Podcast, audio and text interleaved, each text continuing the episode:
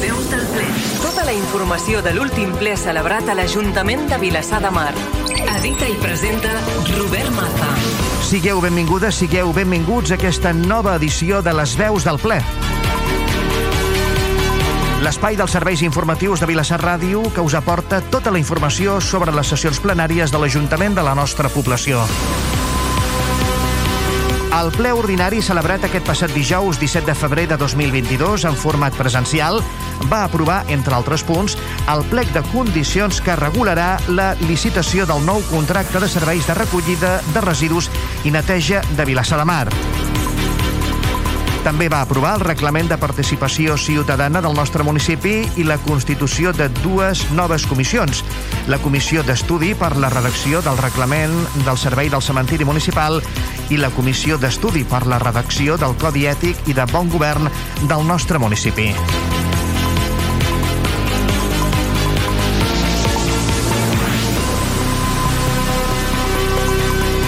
Aquests són alguns dels punts aprovats en aquesta sessió plenària que va retransmetre en Viu Vilassar Ràdio i de la qual informem pròximament de manera àmplia des de les veus del ple. Les veus del ple. El resum. L'ordre del dia del ple d'aquest passat dijous estava integrat inicialment per 12 punts, però el punt 3, que tractava de la renúncia de la regidora Anna Santos de formar part del grup municipal del PSC per passar a ser regidora no adscrita, es va retirar de l'ordre del dia. Seguidament, Júlia Soriol Corbera va prendre possessió del càrrec de regidora del grup municipal de Vavor, en substitució de Carla Soler Novàs. Era el quart punt de l'ordre del dia. Seguidament, el regidor d'Hisenda, Josep Soler, va donar compte de dos punts, el quart i el cinquè. Sobre el seguiment del quart trimestre de 2021 de les obligacions trimestrals de subministrament d'informació de les entitats locals al Ministeri d'Hisenda, va informar que la previsió de tancament de l'exercici 2021 preveu un compliment de romanent de tresoreria positiu i un deute viu al voltant del 74,51% sobre el període mitjà de pagament a proveïdors de les administracions públiques va comunicar que el de l'Ajuntament era de 12,08 dies i el del Patronat Municipal d'Escoles Bressol de 51,18 dies. Pel que fa al sisè punt de l'ordre del dia es va aprovar inicialment el reglament de participació ciutadana de Vilassar de Mar. La regidora de Participació, Montse Gual, va agrair el consens de tots els grups municipals a la comissió d'estudi per l'elaboració d'aquest reglament i la feina tècnica realitzada pel personal de l'àrea. Gual va assenyalar que el reglament de participació ciutadana revela el compromís de l'Ajuntament per fomentar la participació democràtica i la transparència en els assumptes públics locals. L'objectiu d'aquest reglament és l'establiment del règim jurídic, les modalitats, el procediment, la realització, la convocatòria i el rendiment de comptes, i dels instruments i mecanismes de participació ciutadana en l'àmbit competencial de l'Ajuntament. Amb el reglament es creen noves figures de participació per la ciutadania, com els Consells de la Vila o la Reunió de Poble, que s'hauran de desenvolupar. El reglament es posarà a informació pública. De no presentar-se reclamacions o suggeriments, es considerarà aprovat definitivament. Tots els grups municipals van votar-hi a favor i van destacar el bon ambient de treball i d'entesa que s'havia creat a la comissió que l'ha fet possible. Anem ara als punts 7 i 8 de l'ordre del dia. Es va aprovar la constitució de dues noves comissions, la primera, la Comissió d'Estudi per la redacció del reglament del Servei de Cementiri Municipal de Vilassar de Mar, que es va aprovar amb els vots a favor d'Esquerra Republicana de Catalunya, Gent per Vilassar de Mar, Junts Vilassar de Mar, PSC i Ciutadans i l'abstenció de Vavor pel fet que el format de comissió no permet la participació de persones que no siguin regidores. Amb els mateixos vots es va aprovar la constitució de la Comissió d'Estudi per la redacció del Codi Ètic i de Bon Govern de Vilassar de Mar. L'aprovació del Codi permetrà recollir els principis ètics i els valors de bona governança que ha d'informar tota actuació municipal i regularà les normes de conducta que necessàriament han d'observar les persones per les quals és d'aplicació especialment les relatives als conflictes d'interessos. El Codi determinarà els mecanismes i procediments per garantir-ne l'efectivitat, avaluació i impuls. Pel que fa al novè punt, es va aprovar la modificació de l'ordenança fiscal 5, reguladora de l'impost sobre l'increment de valor dels terrenys de naturalesa urbana per adaptar-la al Reial Decret Llei 26 barra 2021. Els canvis realitzats en l'ordenança que regula l'impost municipal per la venda, donació o herència d'un habitatge, més conegut com la plusvàlua, s'han fet per adaptar-se a la nova normativa estatal. Els canvis afecten principalment a la manera com es calcula la base imposable del tribut. El càlcul es podrà fer de dues maneres. La plusvàlua objectiva, que s'obté multiplicant el valor cadastral dels terrenys per uns coeficients determinats pel Ministeri d'Hisenda, que s'aniran actualitzant anualment, o la plusvàlua real, que és la diferència entre el valor de comprar i el de la venda. En els dos casos s'aplicarà un tipus impositiu del 30%, el màxim permès per la llei. Amb la modificació de l'ordenança també s'afegeixen a les excepcions d'aquest impost totes les casuístiques que venen incloses en el Reial Decret i es confirma la no subjecció de l'impost en aquells casos en els quals no existeixi un increment de valor per la diferència entre els valors del terreny en les dates de transmissió i d'adquisició. Esquerra Republicana de Catalunya, Gent per Vilassar de Mar i el PSC van votar a favor i la resta Junts, Vilassar de Mar, Vavor i Ciutadans es van abstenir donant un vot de confiança al govern en el primer any d'aplicació, tenint en compte que es podria revisar cada any. Respecte a aquest extrem, la portaveu de Junts per Vilassar de Mar, Laura Martínez, va remarcar que si el govern no ho vol, no es modificarà, encara que l'oposició ho demani, ja que el contingut de la part resolutiva dels plens és potestat del govern. Des de Junts Vilassar de Mar van mostrar els dubtes en què s'hagi optat pel tipus impositiu màxim només amb una previsió feta pel regidor d'Hisenda de reducció d'un 25% en la recaptació d'aquest impost a Vilassar de Mar. Pel que fa al desè punt, es va aprovar el plec de clàusules administratives particulars, el plec de preinscripcions tècniques i de convocatòria de la licitació del contracte de serveis de recollida de residus i neteja de Vilassar de Mar amb els vots a favor d'Esquerra Republicana de Catalunya, Gent per Vilassar de Mar, PSC i Ciutadans, l'abstenció de Junts Vilassar de Mar i el vot en contra de Vavor. El regidor de Medi Ambient, Joan Roca, va explicar a grans trets el que suposarà el nou contracte. Més recursos humans i mecànics per adequar el contracte a les necessitats actuals del municipi. Un reforç a l'estiu i més recursos pel que fa al control dels serveis i campanyes que es duguin a terme. En la recollida de residus domèstica, el principal canvi serà la incorporació del model de contenidor tancat al carrer, amb identificació de l'usuari inicialment només en les fraccions d'orgànica i de rebuig. En la recollida de residus comercials, el regidor va explicar que comportaria un augment en la recollida del porta a porta comercial. El punt de l'ordre del dia també va aprovar el valor estimat del contracte per un import màxim de 31.776.118 euros, IVA exclòs, i el pressupost de licitació per 8 anys per un import total de 26.480.099 euros, IVA exclòs. Ciutadans va recordar que Vilassar de Mar porta més de dos anys sense aquest contracte vigent, la qual cosa comporta una posició feble de l'Ajuntament respecte a l'empresa concessionària que el presta. Sobre el model del nou contracte va qualificar-lo de sensiblement millor amb el medi ambient. Creiem, van dir des de Ciutadans, que prestarà un millor servei que l'actual i d'una manera més sostenible, més responsable i més compromesa. Paraules del portaveu del grup, Juan Díaz, que també va assenyalar que el nou model implicarà d'una manera més directa el ciutadà per contribuir a un poble més net i més sostenible. El PSC també va incidir en el fet que el plec arriba 5 o 6 anys tard i que la regidora hauria de donar explicacions del per què a la ciutadania. El portaveu del PSC, Quico Zamora, reconeix la feina que s'ha fet a la comissió d'estudi, tot i no mostrar-se satisfet del treball perquè, segons va dir, vam començar amb el fre de mà posat, no volent el porta a porta. Pel seu portaveu, Quico Zamora, perdem una oportunitat de millorar encara més el sistema. Per favor, la valoració de la comissió no és positiva. La seva portaveu, Helena López, va afirmar que no s'havien abordat els diferents models de gestió directa indirecta o mixta, ni tampoc els diferents sistemes, fent al·lusió expressa al porta a porta, model que des de Vavor es defensa. Vavor considera que no hi ha hagut participació ciutadana en un contracte que lligarà el municipi durant 8 anys i que el nou contracte, tal com està previst des del punt de vista normatiu, ambiental i econòmic, no millorarà pràcticament res. Només van destacar com a positiu el servei de neteja viària que consideren ben dimensionat. Vavor va afirmar que el sistema de contenidors tancats és un sistema car, complex i en dificultats de manteniment, amb el qual s'assoleixen resultats inferiors de reciclatge que amb el porta a porta. També van criticar que es mantinguin les àrees de contenidors soterrats. Des de Junts Vilassar de Mar van demanar que el regidor de Medi Ambient entonés el mea culpa pel retard i la gestió que s'havia fet des del moment que el contracte actual va caducar. El seu vot d'abstenció el van argumentar amb la incertesa de si amb aquest model s'assoliran els percentatges de recollida selectiva mínims demanats per la directiva europea, que obliga els municipis a l'any 2025 a un reciclatge del 55% i a l'any 2030 del 60%. El regidor Joan Roca va tornar a agrair la feina de tots els grups municipals a la comissió d'estudi creada per aquest fi i va tornar a explicar el per què el govern va decidir que el plec del nou contracte es deixés el 2019 per al següent mandat. Segons Roca, es va fer per no condicionar un model de recollida al govern que entrés a la nova legislatura i que fos el govern que entrés, després de les eleccions, el que decidís quin model volia implantar sense imposicions del govern anterior. Joan Roca també va voler deixar clar que el govern d'Esquerra Republicana de Catalunya, gent per Vilassar de Mar, no apostava pel porta a porta.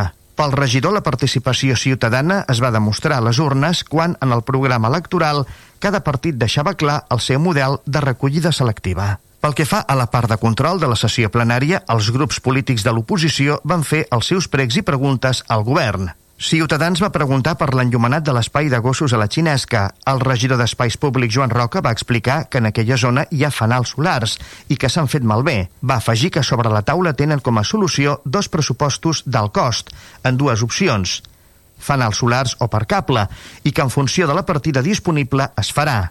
Ciutadans també va preguntar per l'incendi de la nau de Via Octaviana i si hi havia persones empadronades a la nau. El regidor de govern, Àngel Font, va explicar que hi havia tres persones empadronades a la nau, de les quals una tenia vincles familiars amb la titularitat de l'immoble. També va detallar que la qualificació urbanística de l'immoble era de nau industrial, que admetia un habitatge en el seu ús interior. També va aclarir que fins a l'incendi no consten denúncies contra la propietat o contra l'ús que es fes d'aquesta nau.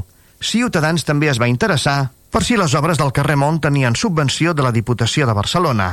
El regidor d'Hisenda, Josep Soler, li va respondre que sí, però que més del 50% de l'obra s'havia finançat amb fons propis.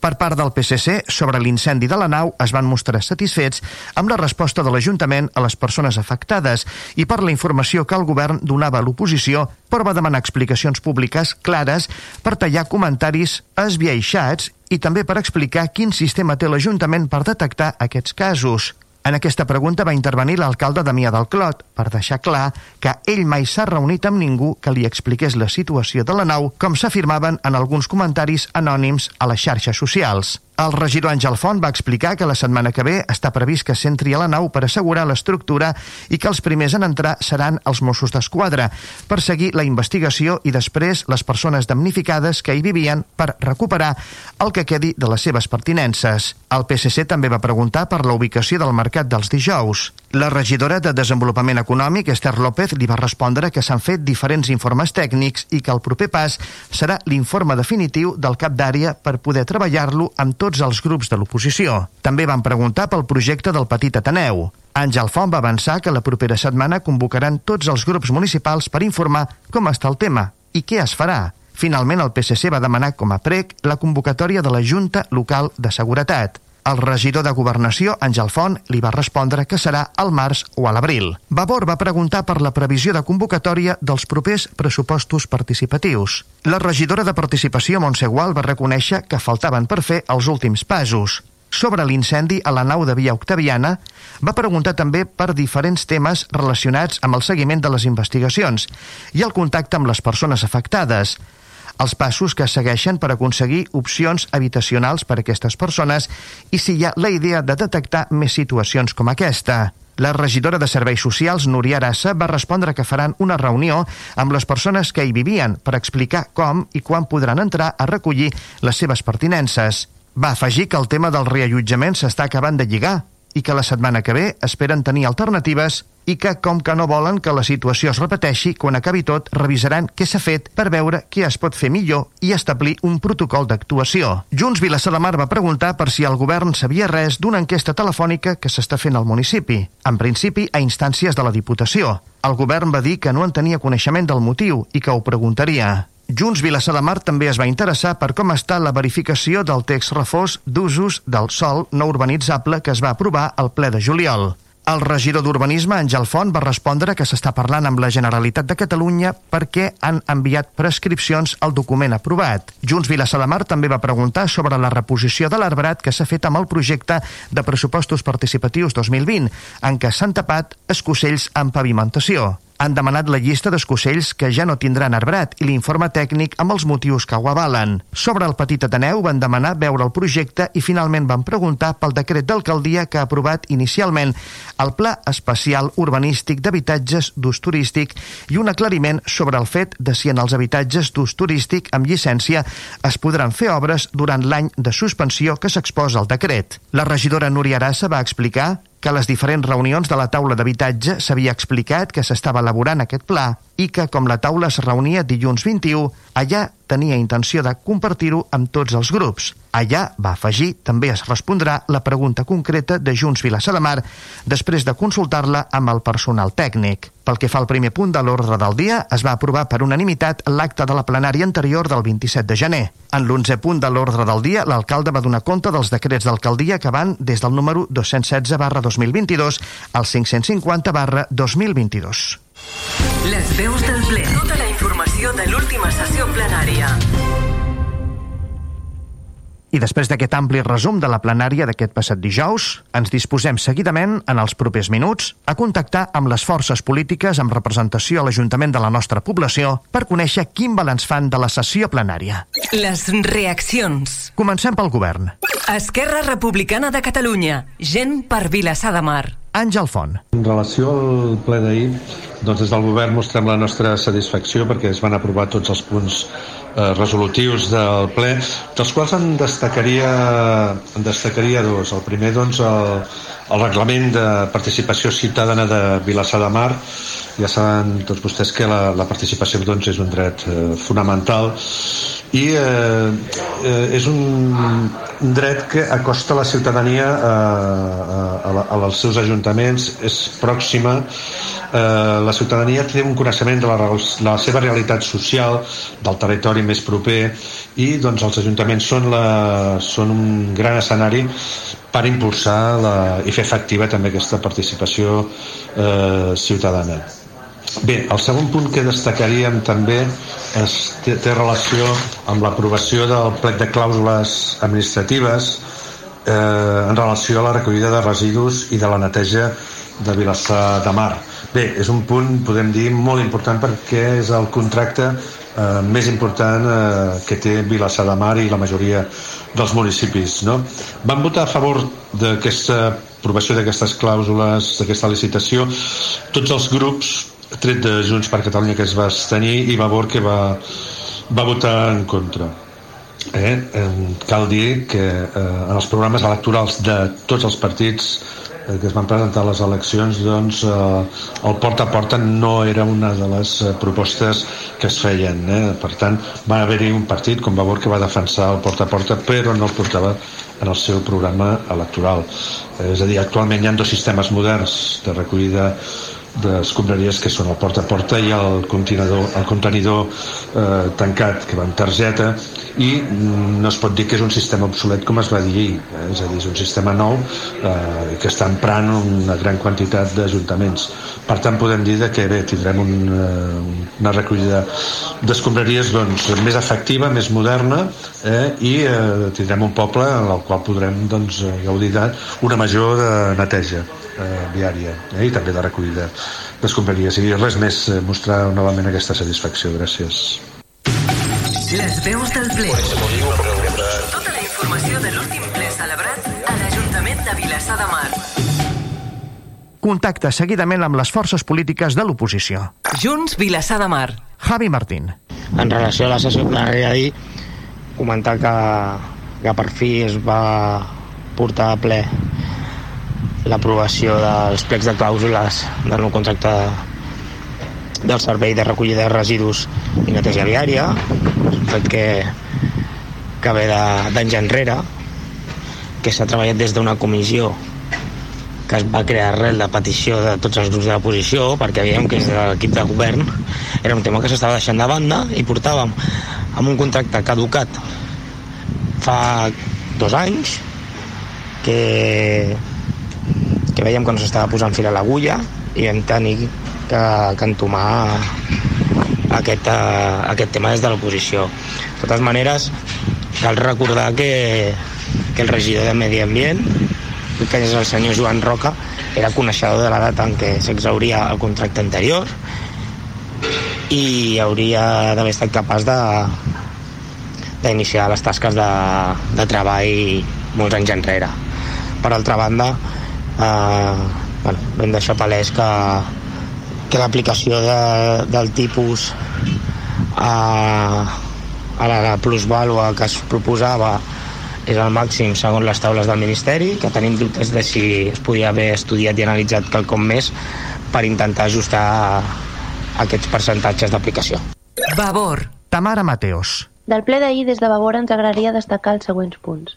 En primer lloc, l'aprovació del nou reglament de participació. Volem destacar el bon funcionament de la comissió que l'ha treballat i fer un agraïment especial a la tècnica. Creiem que la norma suposa un inici d'un canvi de paradigma en com s'entén la participació ciutadana com a forma de coproducció de les polítiques municipals. Conté figures molt importants com el Consell de la Vila, les iniciatives populars per elevar propostes al ple o la reunió de poble com a acte de retiment de comptes davant la ciutadania. Així doncs, es tracta d'una norma ambiciosa que perquè sigui efectiva requereix de la seva aplicació transversal a totes les àrees i nivells municipals. En aquest sentit, en aquest sentit creiem que és imprescindible la recuperació de la tècnica de participació. En segon lloc, volíem destacar el punt sobre els nous plecs de condicions del contracte de recollida de residus i neteja viària. Ja ho hem comentat nombroses vegades durant els anys que portem sense contracte, que és un despropòsit que el govern hagi actuat amb aquesta deixadesa en un tema tan important i que implica tal quantitat de diners. Finalment, després de gairebé 3 anys i després d'haver apretat a gairebé cada ple sobre aquest tema, ahir es van presentar els plecs de condicions per al nou contracte. És impossible resumir totes les qüestions que vam exposar ahir al ple, però voldríem destacar en algun, alguns punts. Des de Vavor vam voler impulsar un espai de debat des d'on abordar de manera conjunta, amb honestedat i profunditat, les diferents opcions de models i sistemes de gestió possibles per plasmar en el nou contracte la millor de les solucions per al nostre municipi. Lamentablement, la comissió des d'on s'han treballat els nous plecs no ofert gens aquest espai. Des d'un començament vam plantejar la necessitat d'estudiar i valorar els diferents models de gestió directa, indirecta o mixta de la prestació del servei i els diferents sistemes de recollida de residus, entre d'altres.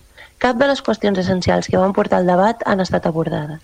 Així doncs, en cap moment s'ha valorat la possibilitat d'una gestió directa del servei, ja fos directament pel mateix Ajuntament o a través de serveis mancomunats a nivell comarcal, ni tampoc s'ha valorat la possibilitat de recuperar el sistema de recollida de residus porta a porta, tot i que és el sistema de recollida més eficient que hi ha en l'actualitat, tal i com reconeixen els experts i la mateixa Agència Catalana de Residus recomana.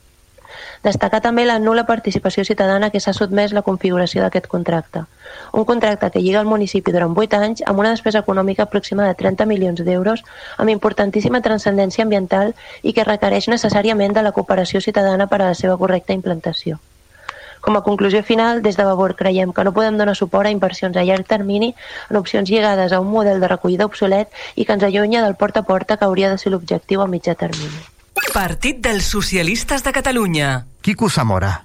Del ple d'ahir caldria destacar l'aprovació del ple de condicions per a la redacció del nou contracte de recollida de residus i neteja viària, eh, contracte que cal recordar que va vèncer a l'abril del 2019 i s'han aprovat eh, pels treballs de la comissió que es va crear eh, a novembre del 19 a instàncies de l'oposició, per tant un treball de dos anys. Amb tot això eh, vol dir que aquest contracte es tenia que haver començat a treballar fa 5 anys perquè estigués disponible a la finalització del contracte. Per tant, creiem que no és la regidoria de Medi Ambient no s'ha d'atribuir mèrits sinó que hauria de donar explicacions i demanar disculpes pel retard de fer la feina que li correspon fer. En quant al contingut del contracte, hem manifestat al ple que no estem plenament satisfets dels seus resultats, creiem que hem perdut una oportunitat de ser més ambiciosos i avançar amb millors sistemes per la recollida selectiva que permetés millors, millors resultats però el funcionament de la comissió no, no anava cap a aquest camí ens han adaptat una mica als mínims imprescindibles per poder avançar i, i desencallar aquesta situació que ja era problemàtica. Creiem que el sistema de tancament per identificació, començant per dues fraccions d'orgànica i rebuig, permetrà avançar encara que tímidament amb la millor recollida i sobretot creiem que la partida en neteja viària s'estructura d'una manera més eficient i esperem que realment representi una millora per la percepció de la neteja i conservació del nostre poble i, i desterrar aquesta sensació de que tenim un poble brut i descuidat.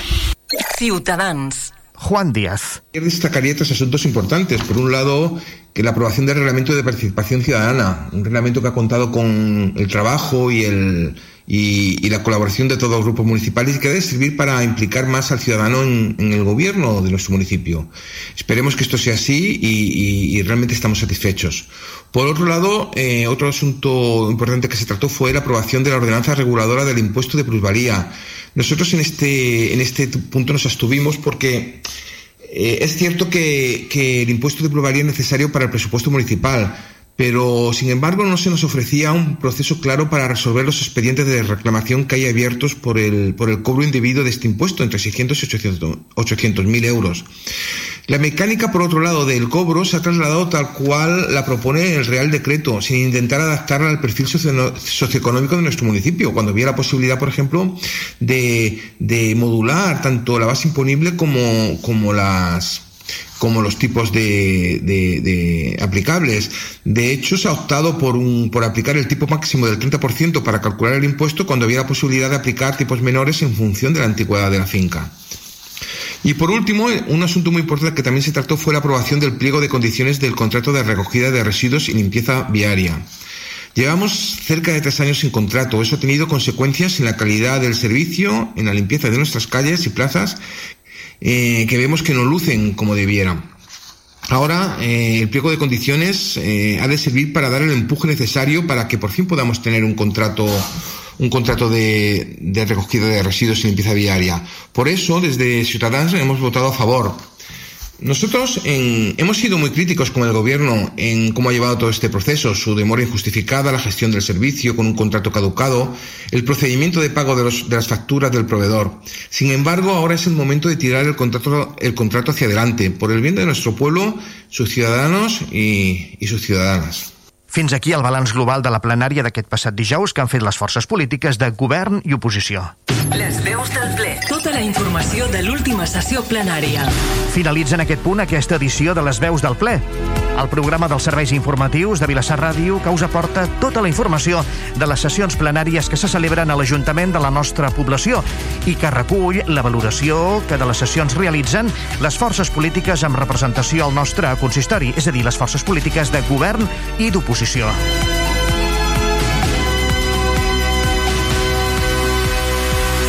Recordeu que podeu tornar a sentir la plenària d'aquest passat dijous i aquest mateix programa a través del nostre web, vilassarradio.cat. Heu d'anar a la pestanya Ràdio a la Carta. Gràcies per acompanyar-nos una vegada més. Us esperem la propera edició de Les Veus del Ple. Les Veus del Ple. Un espai dels serveis informatius de Vilassar Ràdio.